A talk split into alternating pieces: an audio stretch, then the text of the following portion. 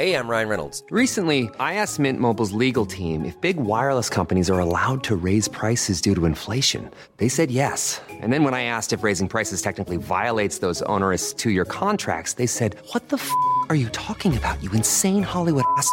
So to recap, we're cutting the price of Mint Unlimited from $30 a month to just $15 a month. Give it a try at mintmobile.com slash switch. $45 upfront for three months plus taxes and fees. Promo rate for new customers for limited time. Unlimited more than 40 gigabytes per month. Slows. Full terms at mintmobile.com. Vi har rullat in i VM-kvalveckan. Kommer Sverige kunna boka biljetter till Australien och Nya Zeeland redan nästa tisdag? Vad är det som ger Peter Gerhardsson huvudvärk? Och varför ska han peta Kosovare Asllani mot Georgien? Ja, det är några av frågorna du får svar på i dagens avsnitt. Dessutom så gästas vi av Häcken och landslagets Johanna Rytting Kaneryd som tror på en härlig EM-sommar. ja, lagen är bättre än någonsin, men eh, vi är också bättre än någonsin.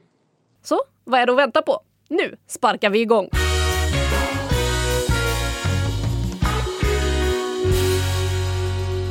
Ja men eh, varmt välkomna till Fem plus, eller Fem plus då, en podd där vi snackar damfotboll och eh, här i studion i Stockholm står eh, jag, Anna Rydén, men eh, det är tomt här. Det är ju dock inte tomt i podden som tur är. Om vi börjar med att vända oss mot Göteborg så har vi med min kollega Petra Thorén. Petra, hur är läget? Eh, jo, men det är jättebra. Regnet som var igår har slutat, eh, solsken och eh, damlandslaget ska ut här om någon timme eller två på, på Ullevi och eh, träna inför VM-kvalmatchen. Så, så det blir min dag idag att titta på dem. Ja, idag kan de vara glada att de inte är i Stockholm för nu har snön kommit hit. Hur är det nere i Malmö då, Saga, där vi har med oss Viaplays expert Saga Fredriksson? Men det är bra hörni. Ehm, tydligen så kom vintern tillbaka här också så att eh, vaknade av lite mindre snöstorm. Ska vi se hur trevligt det blir att träna där ute idag. Ja, det känns som att eh, det är många fotbollsspelare idag som känner att eh, var vi inte klara med det här? Skulle vi inte bytt sport typ? Ja, lite så. Det var därför jag själv höll på med inomhusidrott. Då är man aldrig väderkänslig. Tyckte det var ett väldigt bra val faktiskt. Hörni, om vi kastar oss in i det här med snabbfrågor direkt då kring lite som har hänt eh, den senaste veckan. Och nu är det ju så att det är två omgångar spelade i damallsvenskan och eh, som du var inne på Petra, det är landslagsuppehåll. Vilka är i störst behov av det här landslagsuppehållet? Eh, Saga, du får börja. Ja men det är väl inga tveksamheter där. Hammarby har ju haft två riktigt tuffa omgångar så för mig är det det, det är de som behöver liksom slicka såren och komma på hur man ska ta sig an den här eh, säsongen på ett bättre sätt. Och eh, vad säger du Petra?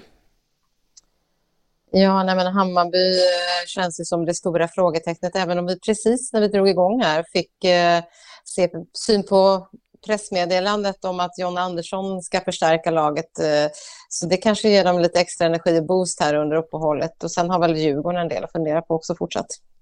Ja, det är ju de två lagen som ligger på noll poäng eh, så här långt efter två spelade matcher och som du är inne på Petra, John Andersson alltså in i eh, Hammarby eh, kom alldeles precis här nu och det handlar ju då inte om, man hade ju en målvakt innan som hette John Andersson men nu är det landslagsbacken John Andersson som förstärker. Vad kan hon tillföra Saga skulle du säga? Men för, alltså det första jag tänkte när jag såg den här nyheten var ju framförallt att det var nog rätt så bra för hennes del. Eh, det har väl varit lite till och från i Chelsea med speltid, men att vilken, vilken klassspelare som kommer in till Hammarby som blöder i defensiven för det mesta nu för tiden. Att få in lite rutin där och nu vet vi också att australiensiskan där kommer in eh, som kommer förstärka ytterligare. Så, att, så någonstans så, så finns det ju en ganska tydlig plan i Hammarby för att lösa den här ekvationen. Men eh, jag tror att det är också vettigt för, för Andersson själv att eh, komma hem lite och, och liksom back on track på något sätt. Ja, och eh, du är inne på det, det kommer australiensiska nyförvärv också. Vi ska prata mycket mer Australien eh, i dagens avsnitt faktiskt. Och eh, det är ju så att VM-kvalet som spelas just nu, ja, det är ju för att se om man tar sig till Australien, Nya Zeeland. Sverige kan bli klara redan under de här två matcherna. Kommer de bli det, Petra?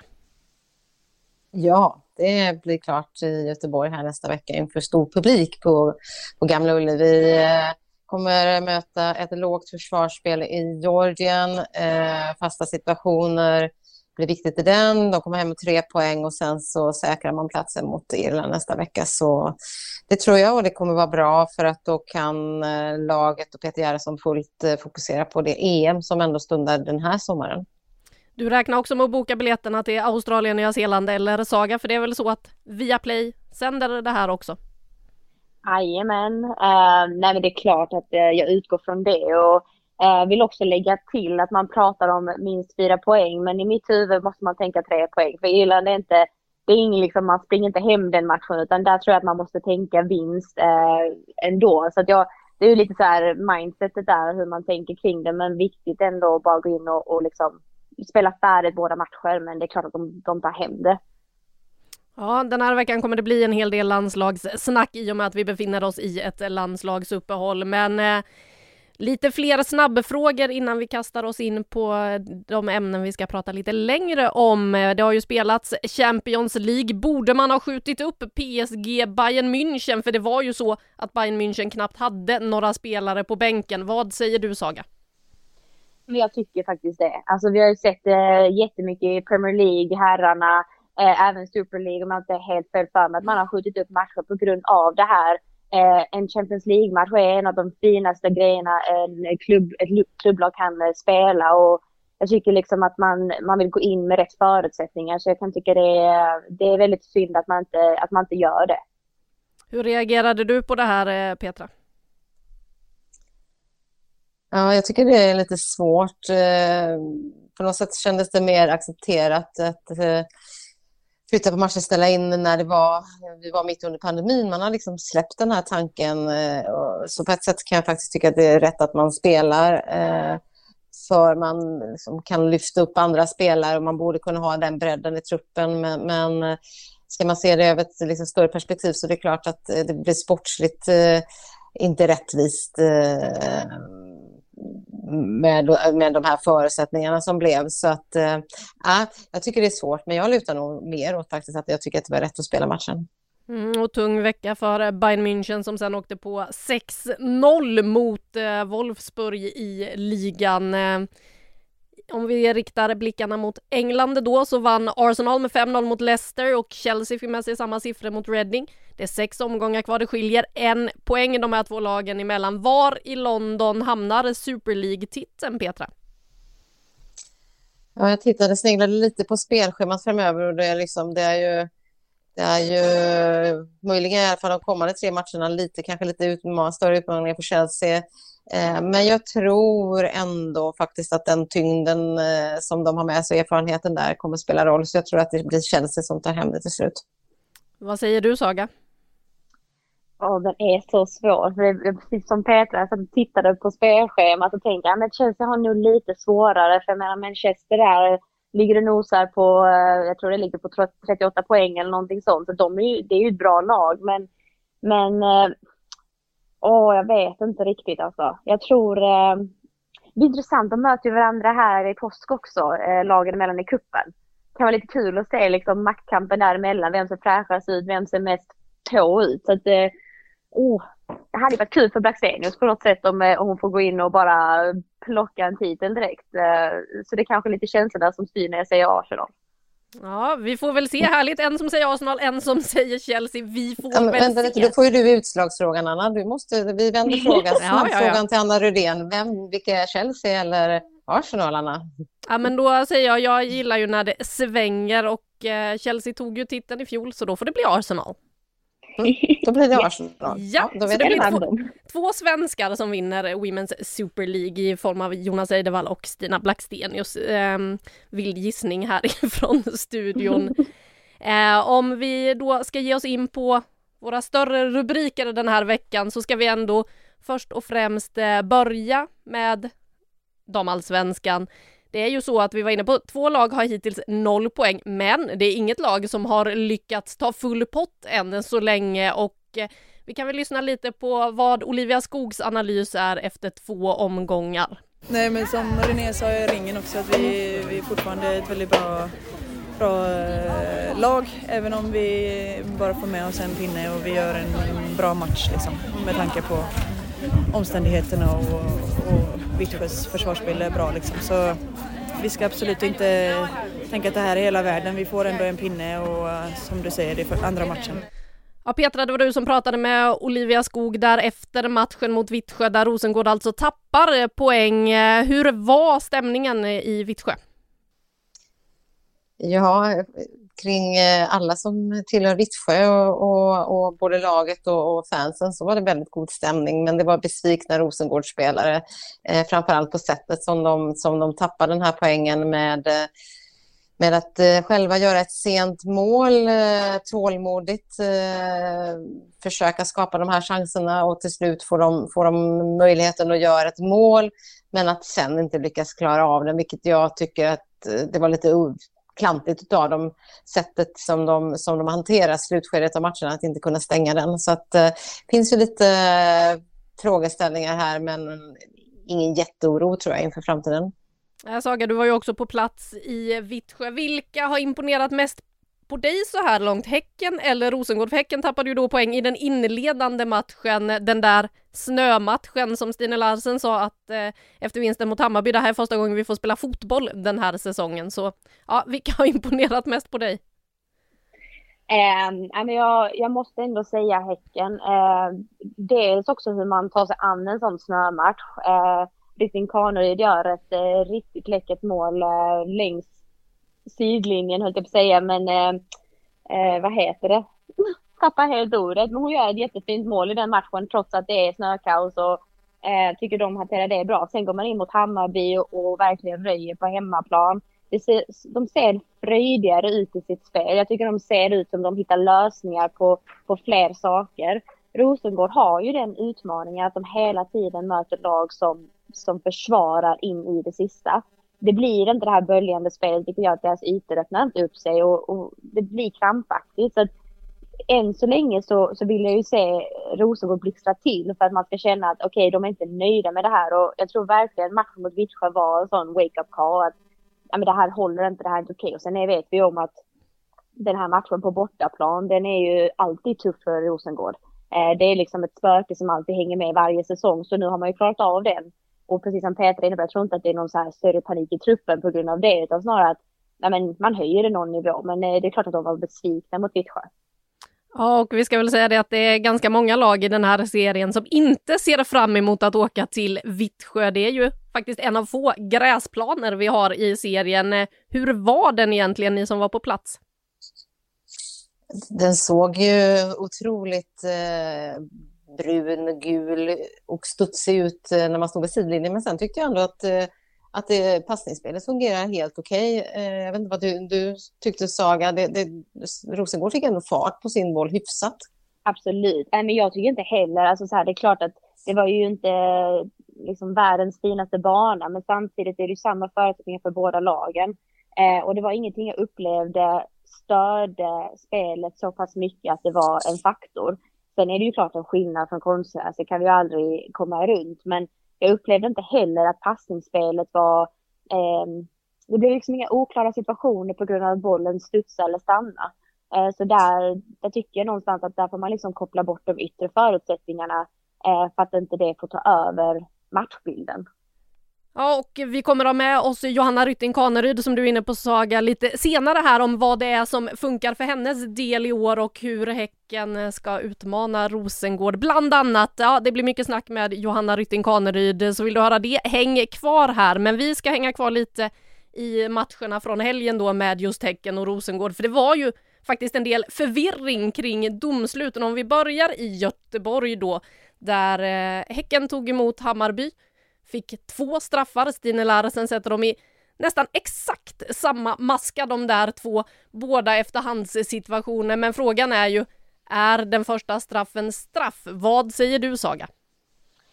Ja, det blir ju verkligen en omtalad situation det där. Eh, så här, den är lite tveksam. Eh, för det som händer är ju att eh, Jansson får bollen på handen men den är väldigt tajt i kroppen och, och, när man tittar på regler så bedömer man ju såklart vad på handen den tar. Men har liksom spelaren gjort sig onaturligt stor eller är det en onaturlig rörelse? Är det avsiktligt? Eh, det sker ju väldigt snabbt och vi ska också tillägga att det är Kurmark som slår den här bollen, eh, om jag inte har helt fel för mig, men det, hon är så pass nära Jansson Så reaktionstiden där ska man också ha med i beräkning. Så utifrån alla de här faktorerna så tycker jag inte att det ska vara straff. För att det är inte så att Jansson gör sig större utan hon krymper nästan ihop för att skydda sig själv. Eh, och så tar det upp på handen och jag, jag upplever inte att det var avsikt att, att förstöra spelet på något sätt. Eh, däremot den andra, det vet ju alla om att den var solklar. Det var Mangerheim som är ute långt ut utanför kroppen. Så att det är ganska stor skillnad där. Eh, så nej, jag tycker inte första är straff. Nej, vi kan väl ta och lyssna då, för precis som du är inne på så är det ju Filippa Kurmark då som är den som slår bollen och hon säger eh, så här om situationen. Ja, men det är jag som skjuter och jag ser att den tar på hand så uh, jag springer fram till domaren och, och, säger skriker rätt ut att det är hans och uh, Sara hör mig väldigt ja, väl. Kurmark är inne på att hade hon inte sagt till Sara Persson så hade det nog inte blivit straff. Vad tänker du om det Petra? Ja, att eh, man kan inte diskutera det. Jag, jag själv brukar vara rätt irriterad på spelare som ropar och skriker liksom, på domslut för att eh, eh, det, det förekommer alldeles för ofta och, och, ibland får det påverkan på spelet. Eh, sen kan man ju alltid säga att det ibland kan vara bra att uppmärksamma domarna på saker som de inte ser, men, men Eh, ah, jag, jag, är inte för det här skrikandet och, och, och liksom risken är på sikt att det leder till felaktiga domslut. Så att, eh, det är ju lite märkligt om det är så att, eh, att det är det som ska avgöra. Ja, vi eh, har ju inte hört vad Sara Persson själv säger om det, men eh, så upplever alltså Kurmark det själv. Och Hammarbyspelarna säger ju också efter matchen då att de inte tycker att det där är straff, precis som du är inne på, Saga. Och eh, är ju också inne på att det där är ju inte det som avgör den matchen. Häcken vinner med hela 4-1 eh, mot Hammarby. Men om vi då riktar blickarna mot Skåne där ni båda befann er i söndags eh, så blåstes det ju också för en straff, men det blev aldrig någon. Vad var det som hände Petra? Ja, det var att Mimmi Larsson äntligen efter 29 minuter började löpa lite mer i djupled och det var just en sån löpning som Caroline Seger lyfte bollen över Vittsjös försvar. Mimmi kom i en löpning. Eh, Vittsjös målvakt eh, Sabrina D'Angelo eh, krockar egentligen med Mimmi Larsson och det ser ut som att Mimmi Larsson ändå har liksom hunnit avsluta innan, innan krocken sker och att bollen är på väg därifrån på, när man sitter på läktarplats då. Eh, sen kan man väl eh, ana via tv-bilden att liksom Mimmi Larsson skjuter bollen i höften på målvakten och att, att det skulle kunna påverka. Men det blev ingen straff, det, eller förlåt, eh, nej det blev ingen straff till slut. Det blåste straff men, men domarteamet ändrade sig. Eh, och eh, huvuddomaren där pratade jag med efteråt. Hon sa att hon, hon gick ut och fick lite, fick lite hjälp från sidlinjen och de bestämde sig, eh, då, domarteamet med Maral i, som huvuddomare att, att nej, men det där var inte straff eh, och det var väldigt få protester. Jag är nog benägen att säga att det inte var straff. Sen vet jag inte om Saga i tv-sändningen, om ni granskade bilderna närmare. Jo, men det är klart att vi, vi kikade på det och vi fick repriserna och jag tycker inte heller att det är straff. Eh, D'Angelo, D'Angelo gör ingenting fult i situationen utan hon rusar ut som målvakter gör.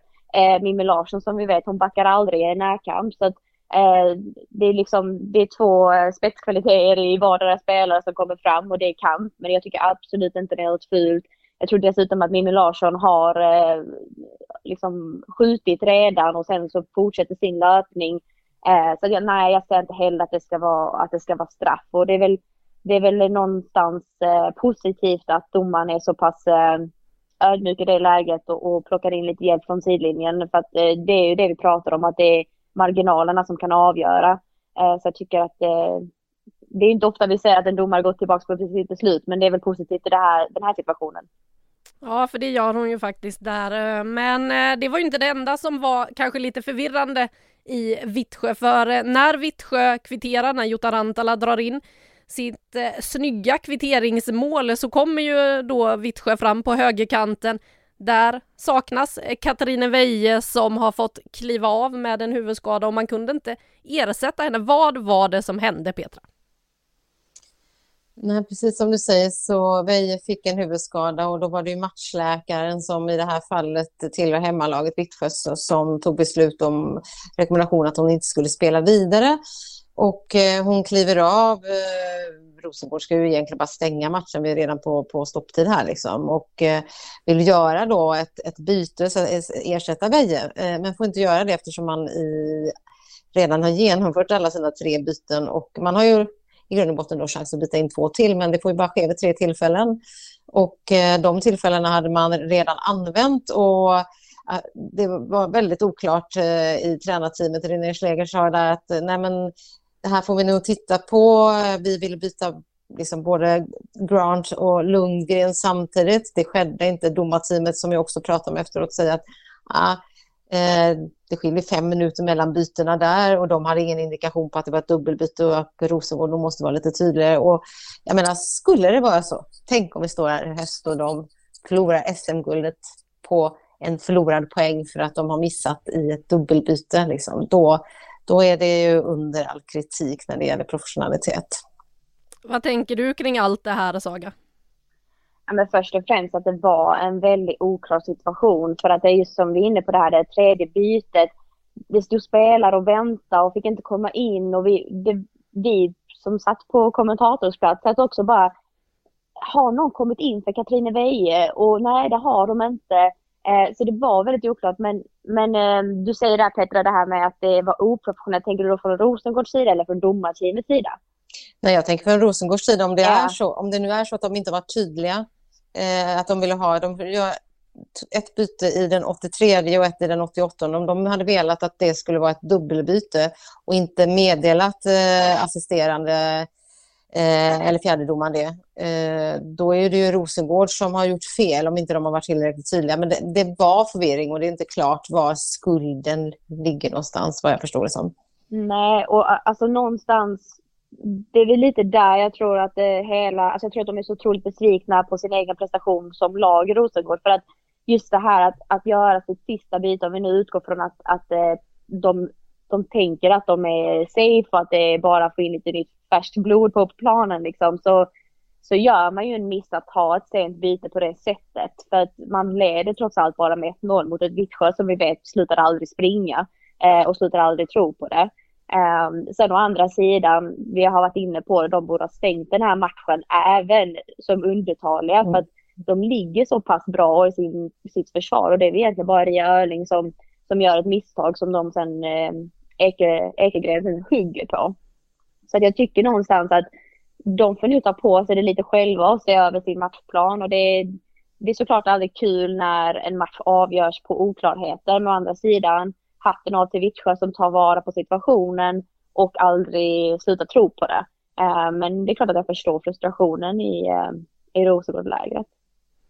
Ja, och nu har man lite tid på sig då att eh, slicka såren efter den här omgången och tappade poängen då för Rosengård och som vi varit inne på flera lag som kanske har lite att fundera på damallsvenskan tillbaka igen till påskhelgen, för nu är det ju landslagsuppehåll och eh, alltså ett VM-kval eh, som stundar. Innan vi går in på det så ska vi prata lite om landet som eh, VM spelas i och det är ju faktiskt så att vi ser en hel del australiensiska spelare som sätter färg på damallsvenskan och fler är på väg. Vi har ju både Hammarby och Vittsjö som väntar förstärkningar till exempel från eh, Australien.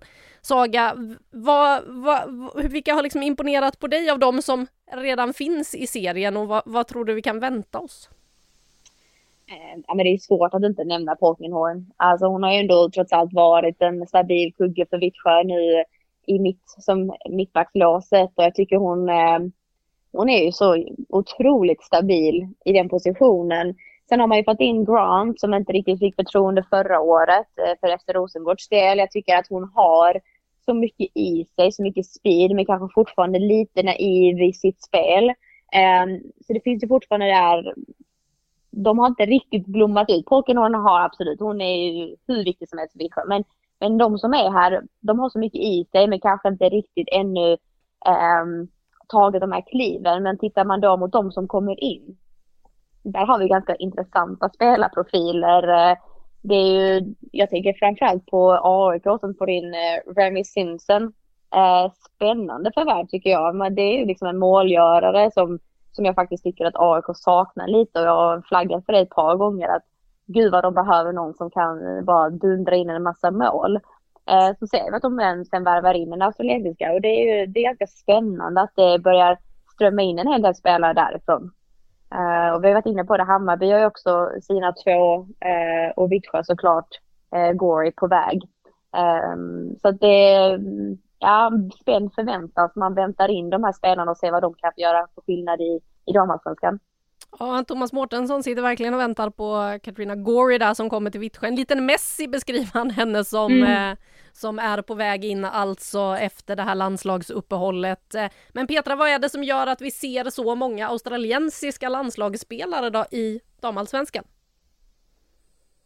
Ja, det här eh, blir ju lite spekulation. Jag har inte pratat egentligen med, med dem om varför de hittar hit, men jag kan ju tänka mig att eh, att kopplingen med Tony Gustafsson eh, kan spela in, eh, att, att eh, han kan både rekommendera klubbar och ha kontakt med de svenska klubbarna för, för att säkerställa så att de, att de kommer få det bra här.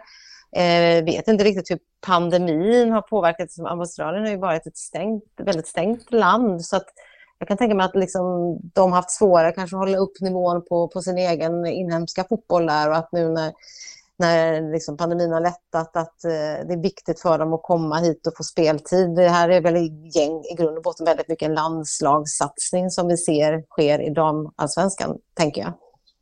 Och en landslagssatsning då förmodligen med målet till nästa sommar när man ju har ett mästerskap då på hemmaplan som ska bli det stora för den australiensiska fotbollen. Eh, Elise Kelland Knight eh, som ju tyvärr har haft en hel del skadeproblem här eh, sen hon då kom till Kristianstad och numera i Hammarby.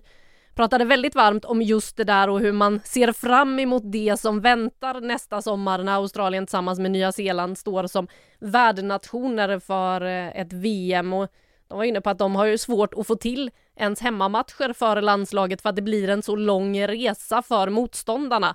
Att eh, de därför ofta möter, eller får möta Nya Zeeland eller så får man helt enkelt spela bortamatcher, eh, ett problem som de har och därför ser fram emot att få visa upp världsfotbollen där nere. Men vad tror ni om det här mästerskapet då som väntar? Om eh, du börjar Saga. men först och främst tänker jag bara vilket kalas. Alltså man längtar ju verkligen på att se ehm, eh, ett VM och i, på det stället också. Va? Det måste ju vara fantastiskt att spela där. Sen är det väl eh, några grader varmare än Sverige. Så det är, det är ju sådana saker man får ta i beaktning också. Men eh, det är intressant just i den aspekten du säger där, Anna, just att eh, Australien har så svårt att hitta motståndare som, som utmanar. Och, äh, det, kommer bli, det kommer bli så otroligt roligt att, eh, se eh, matcherna där nere. Och Petra, senast VM var, var du i Frankrike. Vad tror, hur tror du det kommer skiljas, liksom det vi får se i Australien jämfört med den VM-sommaren 2019 eh, som eh, både du och jag fick uppleva i ett eh, kanske lite väderschizofrent eh, Frankrike? Ja, vi hade eh, variation där som, som man kan ha när man rör sig och, och eh, det kanske det kan bli även här, även om det kommer bli varmare. Men, men det som, som riskerar att bli, tycker jag, när, man, liksom, när det är så långa geografiska avstånd, är att man aldrig får den här riktiga VM-känslan mästerskapskänslan. Jag tycker ju om när det sker på en liksom ganska liten yta, men nu kan jag kalla Frankrike för liten yta, men du bilar från stad till stad, du har liksom känsla med det. Här kommer det vara flygavstånd och, och långt mellan spelorterna och det tycker jag finns en risk liksom att det påverkar. Men det sagt så är det också ett land som eh, skulle kunna bygga det här enormt där, där liksom damfotbollen är på frammarsch och, och diverse skulle kunna bli en riktigt bra uppslutning kring, kring matcherna och stämningen på det sättet. Så att, eh, hoppas att de kan vårda, vårda det liksom, och de här stora stjärnorna som kommer dit. Spelmässigt så tror jag att vi kommer få se ytterligare en nivåhöjning. Vi har sett det från, att vi såg det 2019 i VM, vi såg det i Champions League-finalen när Barcelona helt plötsligt skruvade upp tempot till något jag, vi inte har sett riktigt tidigare och jag tror vi kommer gå ytterligare ett steg där. Så liksom, tekniskt, taktiskt, eh, tempomässigt så kommer vi se en nivåhöjning och det, det är ju egentligen det som räknas. Petra, du var inne på att det här är en landslagssatsning då, att Tony Gustafsson kanske kan vara lite av eh, spindeln i nätet till att det finns en del australiensiska spelare i Sverige. Förbundskapten då som fick ta över inför OS, han hade väldigt kort förberedelsetid där inför det mästerskapet, men Han ledde ju dem till en fjärde plats där eh, Sverige träffade ju på dem både en och två gånger i eh, de olympiska spelen i Tokyo, men sen så åkte de ut redan i kvarten i asiatiska mästerskapen. Eh, vad har Australien egentligen för chanser i det här mästerskapet, eh, skulle du säga Saga? Det är alltid svårt att säga såklart, men eh, som du är inne på, det är lite de ger och tar och eh, eh matchen mot eh, just Sydkorea så, så handlar det om ganska många missade chanser. Kerr fick inte riktigt till det just den dagen. Å andra sidan eh, kollegan eh, eh i Chelsea där, eh, Jisoo Jun, gör ju deras mål. Så att det var en 1-0 seger för Sydkorea och det är ju marginalerna vi pratar om hela tiden. Å andra sidan, vad kan vi förvänta oss av Australien? De är ändå trots allt rankade 12 i världen. Eh, men å andra sidan Sydkorea ligger på 17, så hur stor skillnad är det egentligen? Det kommer ner till de här detaljerna hela tiden. Så att jag tror de har ganska goda chanser och jag tror att man blir boostad också av att man är på hemmaplan och för en gångs skull får visa upp eh, sitt land och att man är stolt. Eh, så att jag tror inte man kan inte räkna bort dem i första taget om vi säger så. Nej, och eh, du är inne på det där. De har ju faktiskt en av eh, världens eh, bästa anfallare där längst fram i form av Chelseas Sam Kerr. Med det hörni, så släpper vi Australien. Vi fokuserar på Sverige, för det är ju VM-kval nu då och Peter Gerhardsson har fått en kanske lite ny huvudvärk den senaste tiden. Det är ju så att eh, han får in en hel del spelare som har lite skadeproblem. Elin Rubensson till exempel kommer inte ansluta förrän senare. Filippa Kurmark spelade bara 45 minuter nu i helgen. Däremot Kosovare Aslani tillbaka och kunde spela 30 minuter. Eh, så här, men det är inte bara det som han har att fundera på för i och med att svenska spelare har blivit proffs utomlands i större klubbar så är det ju en del som inte får speltid längre. Hur eh, ställer det här till det för eh, Peter Gerhardsson, Petra? Ja, det är intressant. Det är en, en utveckling som vi har sett på här i sidan, liksom när, när de svenska spelarna flyttar utomlands eh, så, så finns det en tendens att, att det är fler som inte får speltid. Eh, och det är en jätteskillnad på den här truppen som, som är här nu när man sitter klubbar jämfört med hur det bara var för ett år sedan. Då. Eh, så att det, det, är många som, som, jag ska inte säga att det är många som sitter på bänkarna, men det är ju nyckelspelare som Filippa Angeldal till exempel som, som Eh, Eh, jag, jag, tror faktiskt inte hon har startat en ligamatch eh, den här sidan av eh, årsskiftet eh, och har, har, gjort inhopp. Det finns eh, skador kan ju ske även om du spelar i, i allsvenskan. Då. Så på sikt så tror jag att det här är en, ett dilemma för, svenska land, för svensk landslagsfotboll. Eh, Peter Gerhardsson visar ju också på att det finns en träningsmiljö där spelarna är i, som är på en högre nivå. Det innebär att de hela tiden liksom tränar med, med eh, internationella landslagsspelare vilket gör att det höjer kvaliteten på, på träningen och det har han ju fullständigt rätt i. Men jag tror att över tid så är, liksom, finns det risker när man inte får spela både tempomässigt, touchmässigt och den här finessen och känslan som du får i, i matchen men också för självförtroendet. Ja, mm, mm, Saga, hur påverkar det här liksom som spelare när man inte får speltid? Men jag skulle säga att det påverkar otroligt mycket, för det handlar ju mycket om timing i, i eh, olika scenarion, beslutsfattande eh, och som vi är inne på självförtroendet. Så det är klart att det påverkar. Samtidigt så är det ju som sagt, de tränar med världsspelare varje dag. Det blir en, det är fortfarande en tempohöjning från att de kanske har spelat i Sverige tidigare.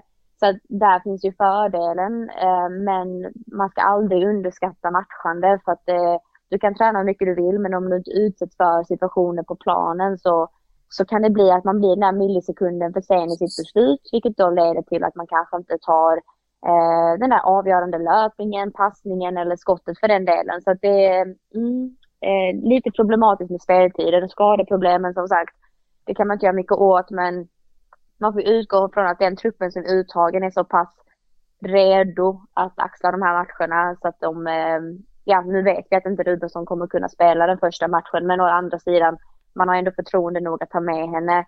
Kurmark likaså fick 45 senast, ja men det var det hon ville ha den dagen. Eh, om man har på Vilahamn hur de har resonerat men samtidigt så kan vi tycka att som sagt vi får utgå från att de är redo att spela de här matcherna och tillföra någonting till landslaget när de väl är där.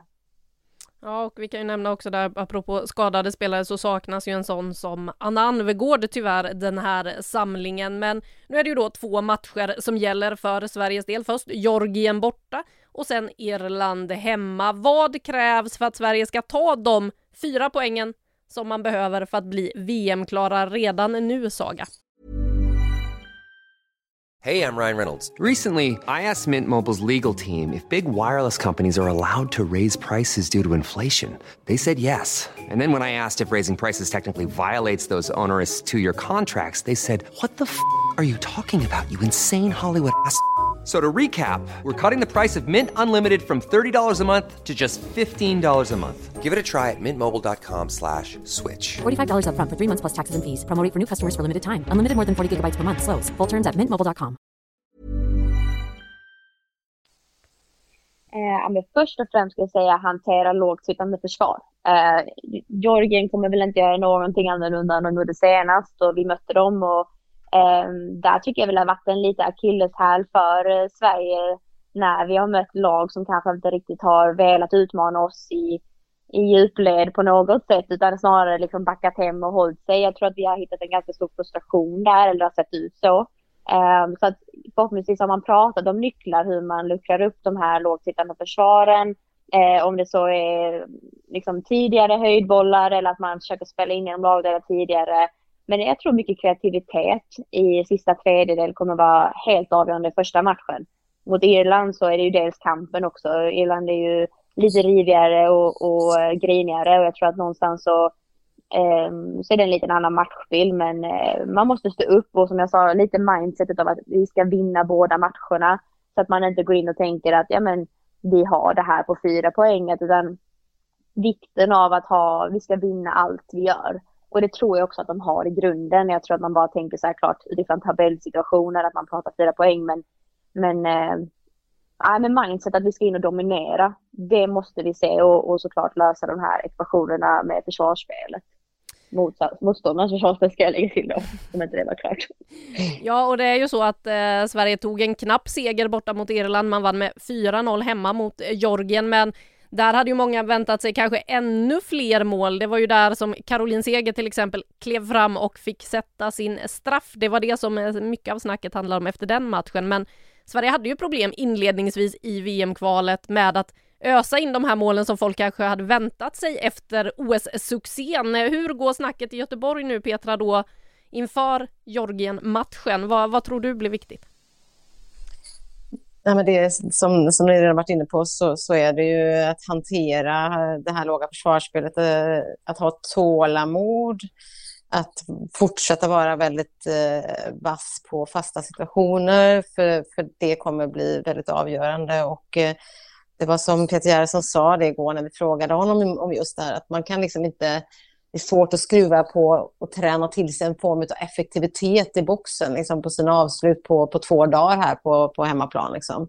Det gör man inte, det får liksom finnas där, men däremot kan man vara tydligare då kring de fasta, vilka ytor ska vi gå på, liksom, vad ska servarna in från hörnorna komma? Den formen av detaljer i spelet kan man ju liksom sätta ännu tydligare. Så, så eh, tror jag att det kommer lösa sig om man bara liksom har den tydligheten med sig in och eh, om man också kan ha tålamod och vänta om det inte lossnar direkt. Då.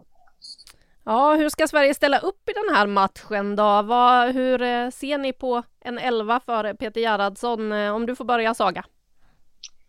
Ja du, eh, jag tänker spontant två nyckelspelare som jag bara måste ha med. Och det, det är Rolfö och det är Angeldal. Jag vet att Angeldal inte har fått eh, så mycket speltid, men jag tror någonstans att hon är en sån spelare som absorberar och suger åt sig allt hon lär sig. Och sen när hon väl spelar så, så liksom plockar hon fram det. Jag tycker hon blir, hon blir så himla, himla viktig. Eh, Rolfö briljerar i Barcelona. Eh, hon ger assist efter assist, gör mål. Eh, finns ett tempo och driv i henne som jag tror blir väldigt viktigt de här matcherna. Så att, Ehm, jag kanske inte rabblar hela elvan, men, men de två spelarna tror jag blir otroligt viktiga för, för hur, för utfallet av matcherna och matchbilderna kommer att se ut. Um, så det är väl där jag landar, att de blir viktiga. Har du någon spelare du vill lägga till Petra som blir viktig eh, i den här elvan? Eh, men eh, Filippa, bara för att förstärka det, Filippa är väldigt sugen på att spela och jag tror inte det kommer märkas att han, hon är lite machovan och hon har en öppnande fot som är jätteviktig i, i, i ett sånt här spel. Så, så det är självklart. Sen, sen tycker jag faktiskt att man kanske ska ställa Kosse från start i matchen. Eh, ge henne ett inhopp för att kunna ha henne med från start mot Irland hemma som är där det kanske krävs ännu mer kreativitet, förlåt, karaktär, kreativitet säger jag, bara för jag ser bilden på Kosse, tänker jag kreativitet. Det behövs ju borta mot, det behövs ju mot Georgien också, men det tror jag de andra kan skapa. Eh, Eh, hon står ju också för mycket. Alltså, det finns nästan ingen så, som spelare som är så skoningslös mot sig själv som Kosovare Asllani. Och det kanske blir ännu viktigare i, i, matchen mot Irland. Så jag tycker faktiskt att Peter Gerhardsson, om man nu kunde starta med henne, inte ska starta med henne borta mot Georgien utan ge henne ett inhopp till och se till att hon är redo från start mot Irland istället. Mm, intressant. Vi får väl se hur han tänker det där, eh, Peter Gerhardsson, och hur många minuter hon har i sig, Kosovare Aslani. Innan vi eh, avrundar snacket om det här, eh, har ni någon potentiell EM-joker? För om Sverige blir VM-klara här nu så kan de ju helt fokusera på EM sen. EM är nästa samling. Det drar igång den 9 juli. Vem vill ni ha in i truppen? Har ni någon jokare? Petra, du får börja. Ja, men eh, sitter med truppen framför mig, plockar fram eh, bilden på Amanda Nildén då från Juventus som har en spännande offensiv eh, rivighet i sitt spel och eh, om vi ser då att det har varit lite utmaningar på framförallt på kantspelet eh, och om inte John Andersson riktigt hittar rätt där så, så är det en spelare man kan använda i, i, i den positionen. Eh, så, ja, så nu tycker jag det var väldigt spännande om hon kunde ta det klivet. Mm, Amanda Nildén där alltså. Vad säger du Saga? Eh, ja, du, den, den var svår alltså. Eh, det känns som en gedigen trupp som vi har nu för aprilsamlingen. Eh, jag känner väl spontant att eh, dels så hade det ju varit skönt om Anvegård är fit for fight så att man kan, man kan faktiskt använda henne och det, det är en viktig spelare som man kan ha både från start och från, eh, från bänk som, som kan avgöra matcher.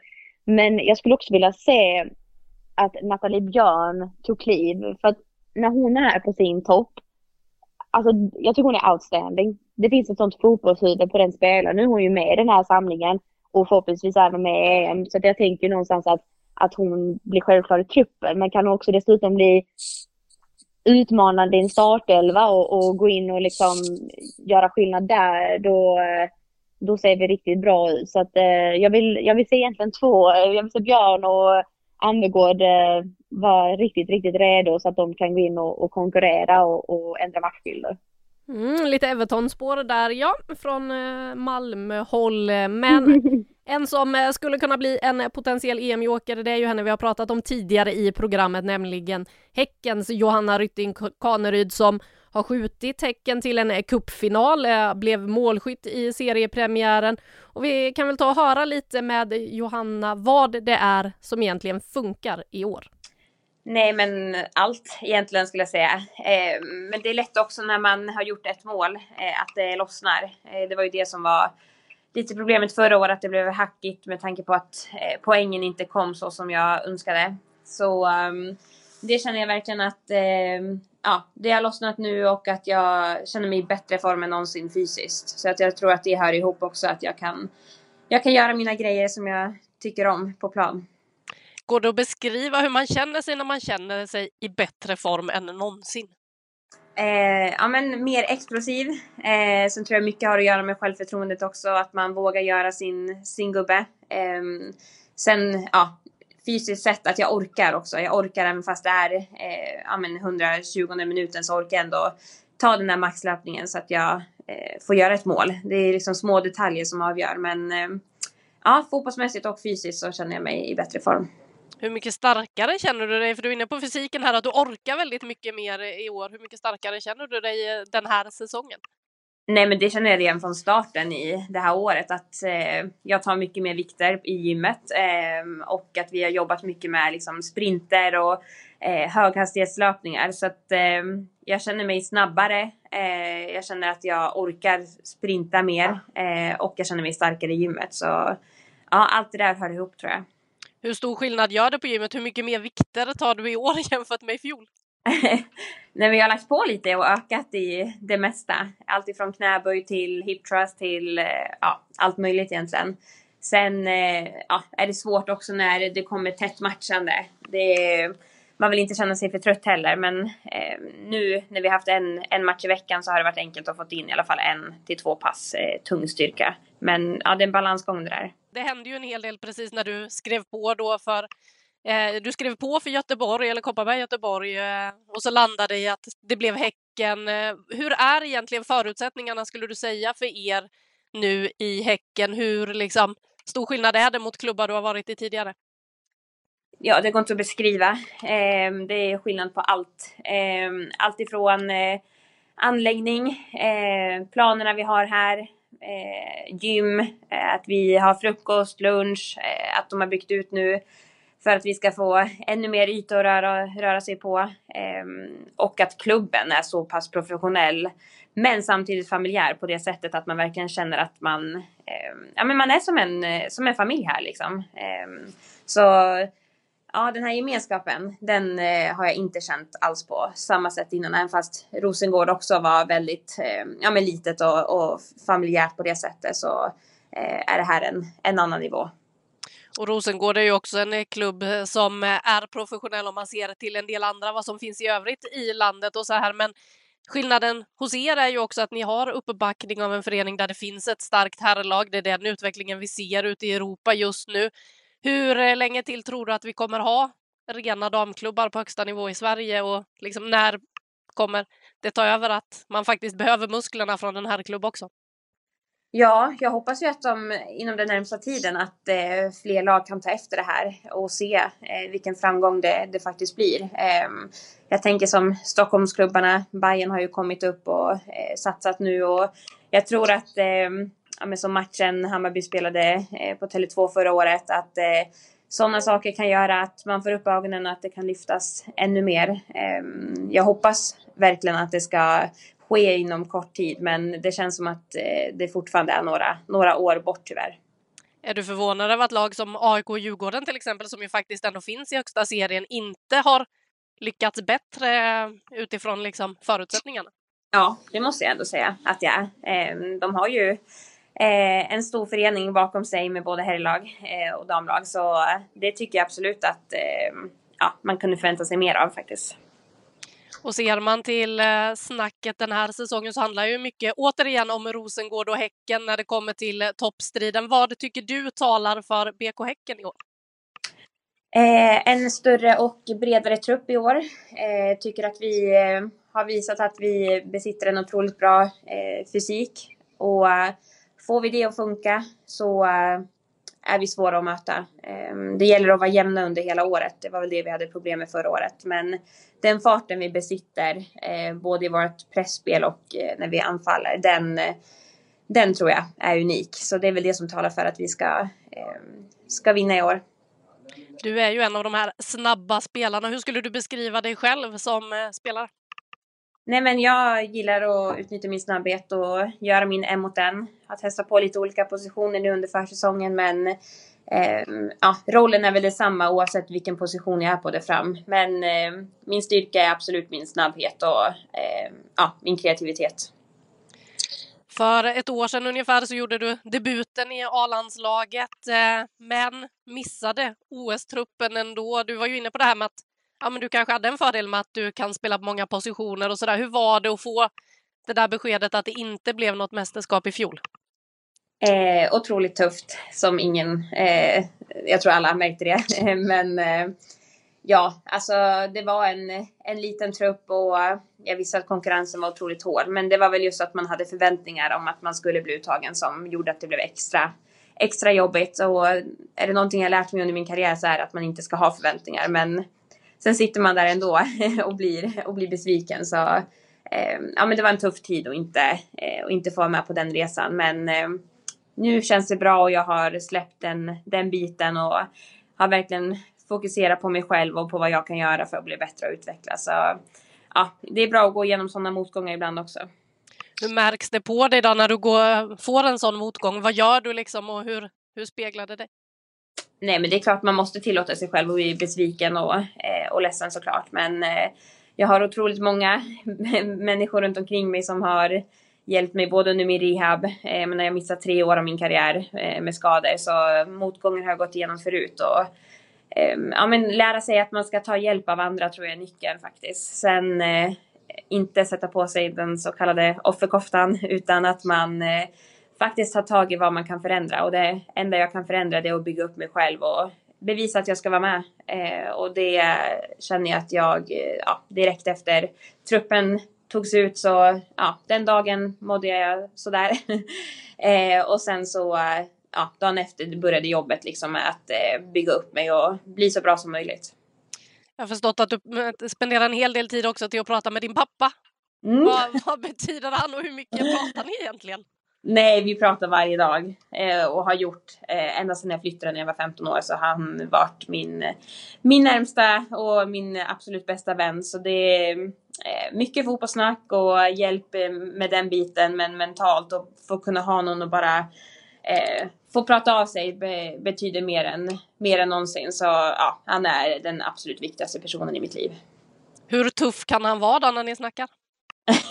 han, har, han har varit otroligt tuff vissa gånger och det har han fått höra sen nu i efterhand. Så jag tror det är bra att han, eh, att han har lärt sig också att ibland kanske man inte vill höra vissa saker när man själv vet om att man kanske inte har spelat sin bästa match. Så, eh, men jag, jag uppskattar att han alltid är ärlig och det är det man behöver för sina föräldrar. Sen eh, har han väl lärt sig att eh, ja, vissa matcher kanske, kanske det får gå några timmar innan vi pratar om den. Så han hinner lugna ner sig också. Är han väldigt känslomässigt engagerad i din fotboll?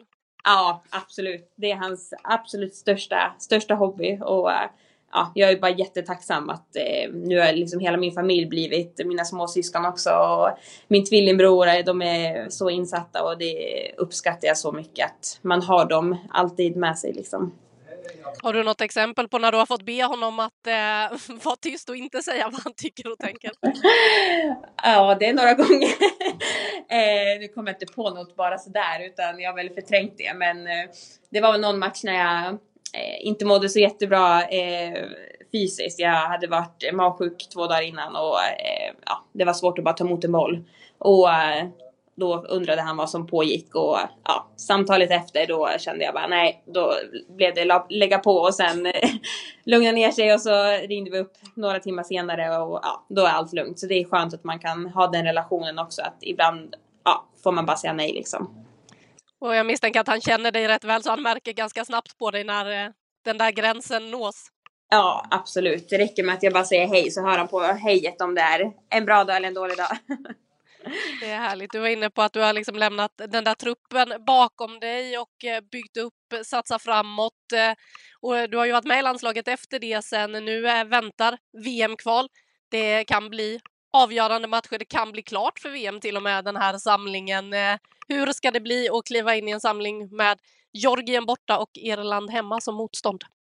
Nej men otroligt roligt. Eh, vi mötte ju Irland där borta sist och det är ett bra lag så jag hoppas att det kommer bli en bra och fin inramning eh, på Ullevi. Och um, tuffa matcher. Eh, Jorgen, eh, ja, jag hade tufft mot dem senast, då var jag inte med. Men eh, det blir tufft, men eh, absolut eh, motiverande och kul att spela sådana matcher när, när det kan avgöras. Fyra poäng är det som krävs för att VM-biljetten ska bli klar. Redan nu, tror du att eh, det blir en fest i Göteborg när ni möter Irland? Eh, det hoppas jag. Det, det, känns som att vi har otroligt stora chanser till att och redan nu ta oss vidare. Så ja, men jag hoppas verkligen att vi kan eh, prestera bra och göra två, två bra matcher. Så hoppas jag att vi kan få en fest där. Hur ser du på dina chanser då att få speltid i de här kvalmatcherna? Eh, men jag tror att de eh, är stora. Eh, jag hoppas det i alla fall. Och jag känner mig i bra form som jag varit inne på tidigare. Så kommer jag bara dit och, och visar vad jag går för så uh, tror jag chansen är stora för att få mycket speltid. Och det här är ju den sista samlingen innan en EM-trupp ska tas ut i sommar. Väntar eh, ytterligare ett äventyr där Sverige då kanske kliver in med ännu större förhoppningar och förväntningar i och med vad man visade i Tokyo i somras. Eh, Vad skulle det betyda att vara en av de 23 som finns med i EM-truppen? Nej men obeskrivligt. Eh, får rysningar bara av tanken av att få representera Sverige i ett mästerskap. Det är sånt man drömmer om sen, sen man har varit liten. Så äh, men det, det är obeskrivligt. Så ja, jag ska göra allt för att, att visa att jag ska vara med där helt enkelt. Hur bra dialog känner du att du har med Peter Gerhardsson? Nej men det, jag tycker det känns bra. Han eh, är rak, både han och Mange är rak och ärliga i sin kommunikation. Och, eh, ja men som eh, då eh, senast efter jag blev uttagen igen efter OS så hade jag och Peter ett snack och eh, ja men det känns bra. Det, det är viktigt att ha det också. Ja, vad betyder det att känna att man liksom kan kommunicera och förstå var, hur de tänker och varför så att man själv kanske då vet vad man själv behöver göra? Ja, men jättemycket. Dels för att veta vad man eh, ska göra och vad man kan förbättra och sen också att, eh, ja, men att man får förtroende varför man är uttagen. Det det viktigaste egentligen som en spelare, i alla fall för mig, och, och veta varför jag är uttagen och eh, vad de tycker och tänker. Eh, det är svårt att, att bara träna och träna, träna, sen att man kanske inte får något specifikt vad man ska göra bättre. Så ja, men det är jätteviktigt. De pratar ju också ofta eh, om att de vill att alla kännare ska spel, äh, känna att eh, man ska våga misslyckas ute på planen, att man ska gå in och göra sin grej liksom och att det är inte hela världen om någonting går fel. Känner man det som spelare också? Ja, men det måste jag ändå säga. Nu senast i Algarve var de väldigt tydliga med att eh, vi ska våga och de har ens rygg eh, även om man tappar bollen. Så ja, absolut. Sen är det ju såklart första landskamperna så eh, det är ju en press och man vill ju göra det bra såklart. Så eh, det är klart, det, det är en balansgång där. Misslyckas man så så är det svårt att liksom klättra upp och göra om samma sak igen. Så Eh, men nu, eh, ju mer man kommer in i det och ju mer bekväm man blir med alla spelare och eh, ledare så tycker jag att det känns bättre och bättre. Så nej, men jag skulle absolut säga att jag, jag vågar, vågar mer och eh, vågar göra det jag är bra på. Det låter härligt. Du, och vi ska avsluta då med det där mästerskapet som väntar i sommar, ett EM i England. Finalen sålde slut på en timme. Vad, vad väntar du dig? Vad tror du vi får se i sommar? Nej men eh, otroligt kul framförallt att eh, det sålde slut så, så snabbt och ja, det tyder på att damfotbollen verkligen har vuxit och är attraktiv. Så ja, vi hoppas att det kommer bli en publikfest och, och att det känns som att lagen är vassare än någonsin. Så eh, få bjuda på, på bra fotboll och eh, få åskådarna till en publikfest, det, ja, det får rysningar bara av tanken. Hur stora chanser skulle du säga att det är att det blir en svensk medalj i sommar? Större än, eh, än någonsin. Eh, om man kollar på OS senast så eh, gör Sverige ett otroligt bra mästerskap och eh, vi har den kapaciteten tycker jag att eh, ja, vi ska vara där uppe. Så ja, chanserna är stora men det kommer bli tufft och ja, lagen är bättre än någonsin men eh, vi är också bättre än någonsin. Så nu är podden snart slut, men vi måste ju hålla oss kvar vid vårt namn. Så vad får egentligen 5 plus den här veckan? Vi kan väl lyssna. I'm here now as Norway's first female football president. Humble to speak in front of you. In 2010, World Cups were awarded by FIFA in unacceptable ways with unacceptable consequences. Human rights equality, democracy, the core interests of football were not in the starting 11 until many years later. Ja, det norska fotbollsförbundets eh, ordförande Lise Klavenes eh, som talade då inför eh, Fifas, eller på Fifas kongress i Doha, Qatar i förra veckan. Petra, vad säger du om hennes statement som hon ändå gör där? Jag tycker det är starkt att hon eh, i just den miljön eh, och det sammanhanget eh, eh, vågar liksom göra den formen av statement och vara så tydlig i det. Att norska förbundet är tydligt i det eh, ingen förvåning. Eh, jag tror, ska inte säga att det, men vad jag förstått det som så finns det, om det är ett styrelsebeslut på, på att, liksom, att det är den här riktningen man ska gå och att man ska också beskriva sin, sin ställning utåt. Och jag har varit med på något digitalt möte med eh, henne. Hon är väldigt tydlig med, med vad hon vill. Hon är väldigt stark i det här och det var framförallt då när de här två, ett par norska, de var två eller tre till och med norska journalister som, som eh, råkade lite illa ut när de var i Qatar för, för att göra jobb så, så har ju norska förbundet varit väldigt tydligt kring det. Så att eh, de är tydliga i Qatar-frågan, de är tydliga kring, kring mänskliga rättigheter och, och all heder åt henne att hon, att hon verkligen liksom vågar ta den bollen just där och då.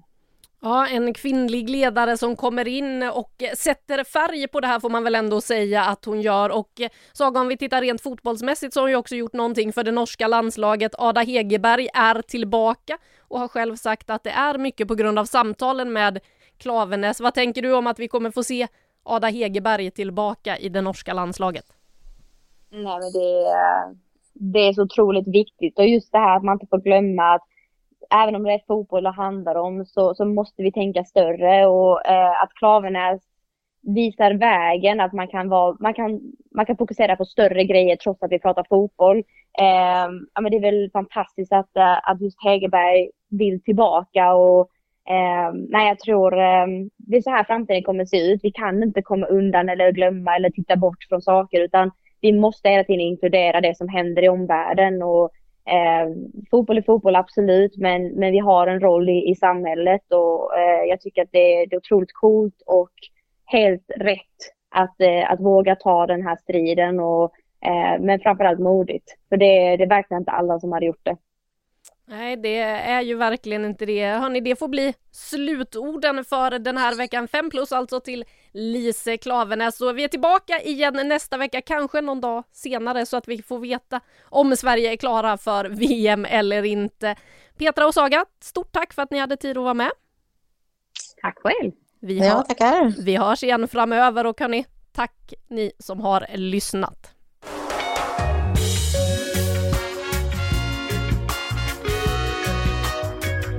Du har lyssnat på en podcast från Aftonbladet. Ansvarig utgivare är Lena K Samuelsson.